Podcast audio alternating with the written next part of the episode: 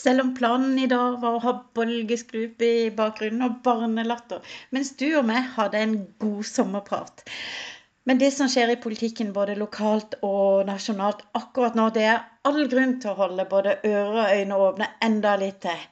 Klart vi kan snakke om det. Velkommen til ukens episode. Tine her, antimobbeentusiasten som mener at bak hver suksess i mobbesaker står solide voksne med en helt spesiell evne, en iver og vilje, i tillegg til en stor porsjon pågangsmot. Jeg har bygget en virksomhet tufta på å gi støtte og drahjelp til foreldre og skoler i hele landet. I det å ta tak og hjelpe enkeltbarn, som klasse og skolemiljø, både kjappere, mer treffsikkert og i fellesskap. Hver uke er jeg på øreproppene dine, deler tips og triks for å hjelpe deg bli akkurat så god som du kan bli i din rolle når du skal hjelpe barn i kjølvannet av mobbing. Jeg skrota ukens episode rett og slett fordi det er så viktig å få med seg det som rører seg akkurat nå. For noen ganger så er det akkurat som det passer sånn å ta tak i noen av de skoleutfordringene som vi har. Og nå på tampen av sommeren, der lærerne har mer enn nok med å prøve å komme seg til hektene igjen, og elevene er slitne etter langt skoleår, og foreldre, som eh, da vi gjerne snakker om, de er også superslitne akkurat nå og syns det er superdeilig å kunne ta en pause fra skolen. Men det som skjer politisk, når det nå mangler motstemmer blant skolen og foreldre, ja, så virker det som det passer fint i disse habiliteringsutfordringene som politikerne har seg imellom. Det passer å ta tak i avsløringene om det høye skolefraværet. Og det, det, det, tenker jeg, det må vi prate om, for det er superviktig. Nå tar lokalpolitikerne på rekke og rad noen valg, og er i ferd med å ta noen valg, som kan få store utfordringer både for skole og ikke minst for elevene sjøl, som kanskje ikke trenger å hjelpe. Tvert imot. Det jeg tenkte at er relevant når disse politikerne setter seg ned og, og blir litt overivrige på akkurat dette punktet, så er det jo Ja, høyt skolefravær er klart en utfordring for skolen. Soleklart. Men vi må ta med alt det andre som vi da ikke hører noe om akkurat nå. Vi må ta med at det i 2017 gikk helsesektoren ut og skreik om en eksplosjon i elevenes psykiske uhelse. Husker du det? Og så må vi ta med avdekkinga i, i uh, spesialundervisninga, at det er mange hull. Det er jo en dårlig samvittighet uh, i lange tider i skolen. At vi ikke har eh, den kapasiteten eller den kompetansen heller til å drive ordentlig god spesialundervisning. Men det hjelper seg sakte, men sikkert, for all del. Men og så må vi jo ta med Elevundersøkelsen, som bare for et halvt år siden avdekka tidenes største antall elever som sier fra om at de opplever mobbing i skolen. Og også da fra voksenhold.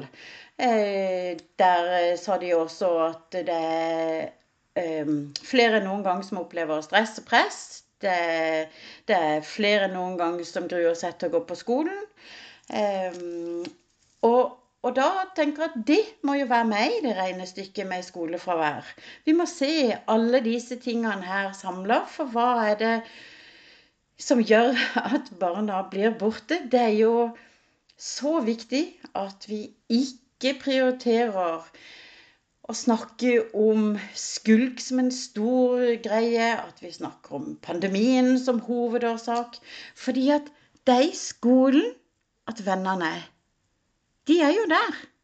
Og uansett hvor kule vi er som voksne, så er det altså ikke sånn at barna prioriterer oss hvis de heller kan ha noen å leke med.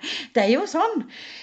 Så det med at det har blitt så utrolig høyt skolefravær, må jo ha med seg alle disse andre sosiale mekanismeutfordringene som jeg også tenker jeg da. Og da tenkte jeg at vi kunne prate om noen sånne type ting. Fordi jeg har, jeg har noen eh, løsninger på, på, mange av de sosiale mekanismene. Når det gjelder eh, barna som har opplevd mobbing, og som er traumatisert av det, eller av håndteringen fra oss voksne i etterkant, som da blir hjemme, så er det en annen situasjon. Det er en annen tilnærming. Så den, den gjelder ikke for akkurat det som jeg skal snakke om i dag. Men det jeg opplever da, er at barna skriker etter på ulike måter så skriker de etter en sykt god skole.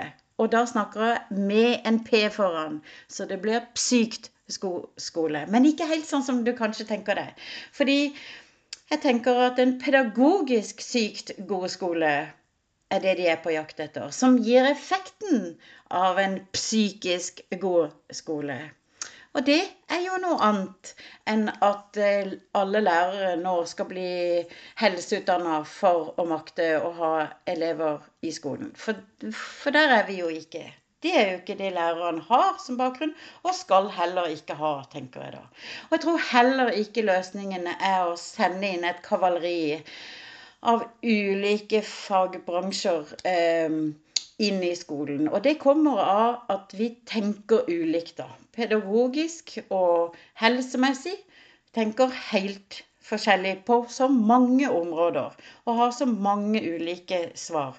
Og så tror jeg heller ikke at barna trenger noen flere voksne å måtte møte på sin vei. Jeg har vel tidligere sagt at uh, i mobbesaker så møter altså barna i hvert fall de jeg møter, da, som da har stått i det en stund, de møter over 50 voksne i ulike varianter. Det er mange, det. 50 voksne som de da skal pøse ut sin historie til.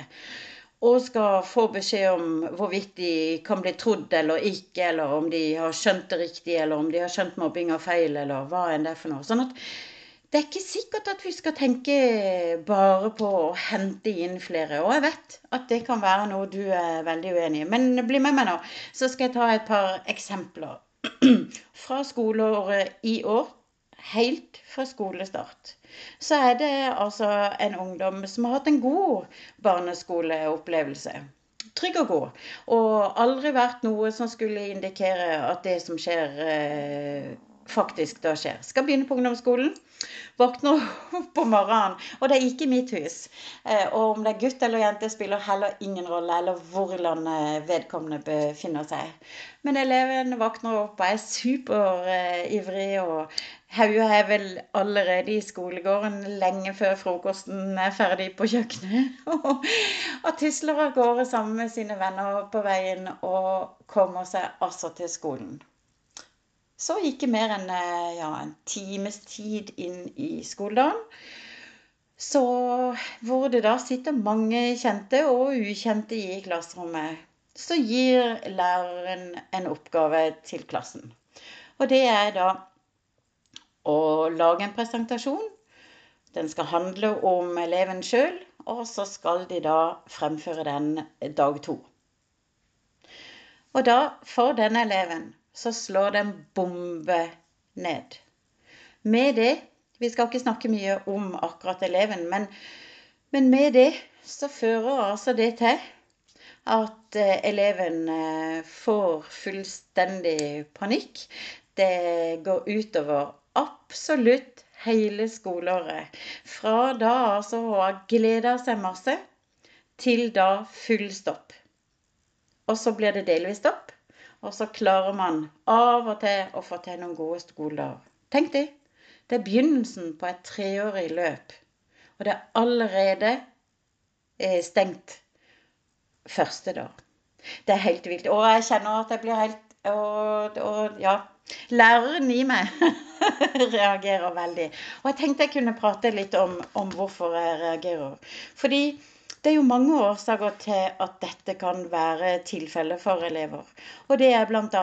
Eh, det kan jo skyldes eh, f.eks. Eh, sosial angst. Vil det være en oppgave som en med sosial angst vil kunne klare eller makte å gjennomføre. Eh, det kan være, sjenerthet, det kan være eh, en elev som stammer, det kan være en elev som ikke har hatt en trygg og god barneskole, som kanskje har opplevd mobbing. Kanskje sitter noen av de som de har blitt stempla eller at de opplever utenforskap med, at de sitter i det nye klasserommet. Og det er noe av det jeg tenker på. Vi, vi må dit hvor vi faktisk tenker i større grad på den effekten som læreren da skaper, eller ønsker å skape. ikke sant? For dette vil jeg tippe, uten da å ha spurt denne læreren, så vil jeg tippe da at det har vært tanken om å gjøre det så enkelt som mulig. Eh, at det skal være noe alle klarer fordi de har lært eh, powerpoint på, på barneskolen f.eks., eller tilsvarende program. Og at, de da, at det å fremføre i den dette samfunnet hvor vi er så selveksponerende som bare det, at det kan være en positiv ting for elevene. Det er bare det at det er så mange ulike årsaker til at det kan være utfordrende. Og når det er en helt ny klasse hvor de da er satt sammen av ulike klasser, eh, og dermed så blir det da noen mekanismer som enda ikke er på plass. Tryggheten elevene imellom, den er jo ikke på plass første dagen. Særlig ikke når de da ikke går sammen med de de har gått sammen med lenge. Så blir det jo, så blir det jo litt feil, da. At en skal eksponere seg sjøl for resten av gjengen. Og det kan ha stor betydning for enkelteleven. Hvis da det bommer, så lista er egentlig fryktelig høy for eleven. Og det, og det tenker jeg at da jeg var lærer, så kunne jeg sikkert gjøre sånne ting, jeg også. Men alltid vært veldig opptatt av hvilken effekt vil de valgene jeg tar for mitt opplegg, for min undervisningsform, hvilken effekt vil de få? Er det ønska effekt, og hva skal til for å få den ønska effekten? Og det tenker jo alle lærere på i forhold til fag kan vi også, og det er jo hele mitt poeng, da, kan vi skyve det over. Ta alle de vurderingene som vi gjør faglig, når vi finner fagstoff, når vi ser det opp mot målene, kompetansemålene, og så da finner ut hvordan vi kan løse det undervisningsteknisk i klassen med akkurat den klassen vi har nå, ja, så tenker jeg at kan vi ikke også tenke på det opp mot de sosiale mekanismene som er? Og sosiale mekanismer første skoledag, de er jo altså prega av nerver, nerver, og i dette tilfellet da ukjente relasjoner. Eh, og også ikke-skapte relasjoner enda mellom de som ikke kjenner hverandre. Og dermed uvisst hvordan makthierarkiet er. Hvem er sterke, hvem er svake, hvem blir sterk, hvem blir svak? Hvordan kan vi få endra på de? De har vi jo ikke rukket å komme til engang.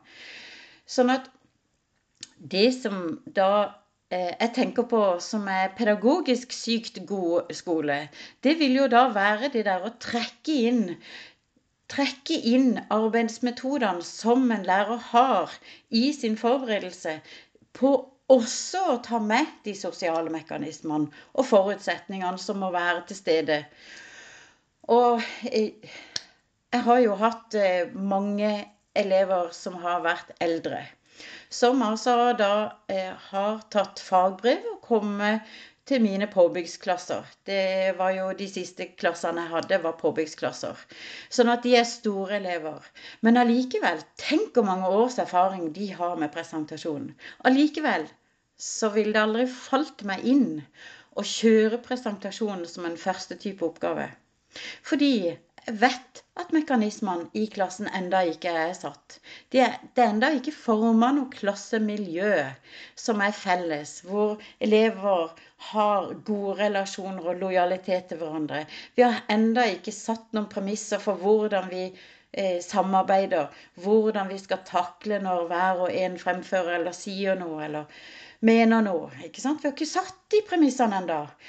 For det har vi jo ikke fått sjansen til å bygge.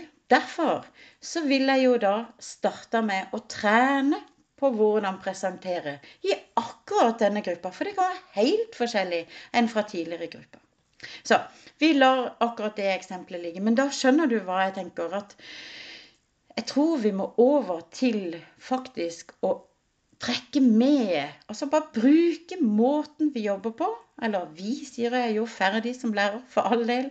Men men måten å jobbe på som lærer, skyver det med over på det sosiale feltet i tillegg. Sånn at vi tar noen gode valg for elevene. Grupper, klassen. før vi, da, før vi da velger hvilken undervisningsform og teknikk og metoder vi skal benytte oss av. Så det var den sida. Og det, det, det, kan godt hende at det holder med det eksempelet i dag. For jeg har ikke lyst til at dette skal vare lenge. Og jeg vil bare si at det er for å inspirere. Fordi tenk så gøy!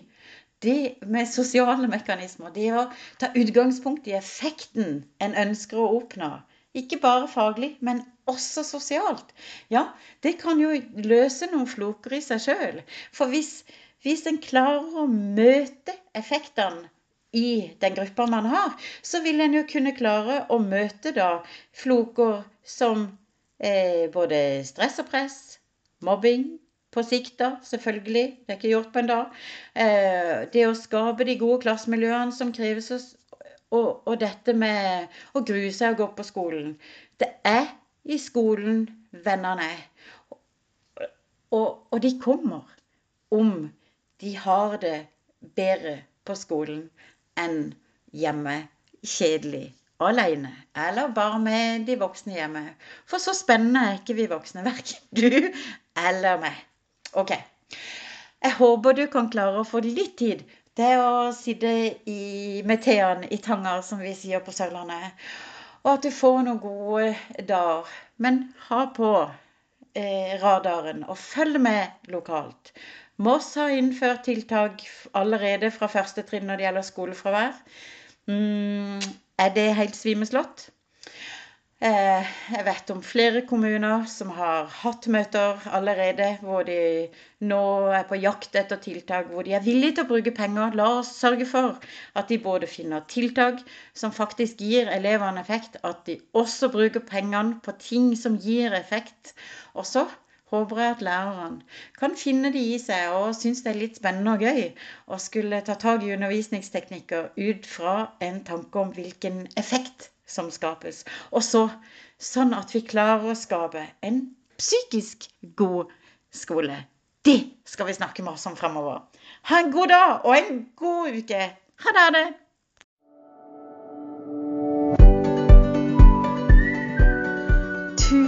Takk for at du hører på podkasten.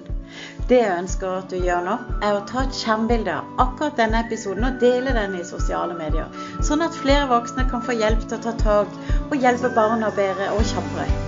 Vi to høres neste uke. Ha det, ha det.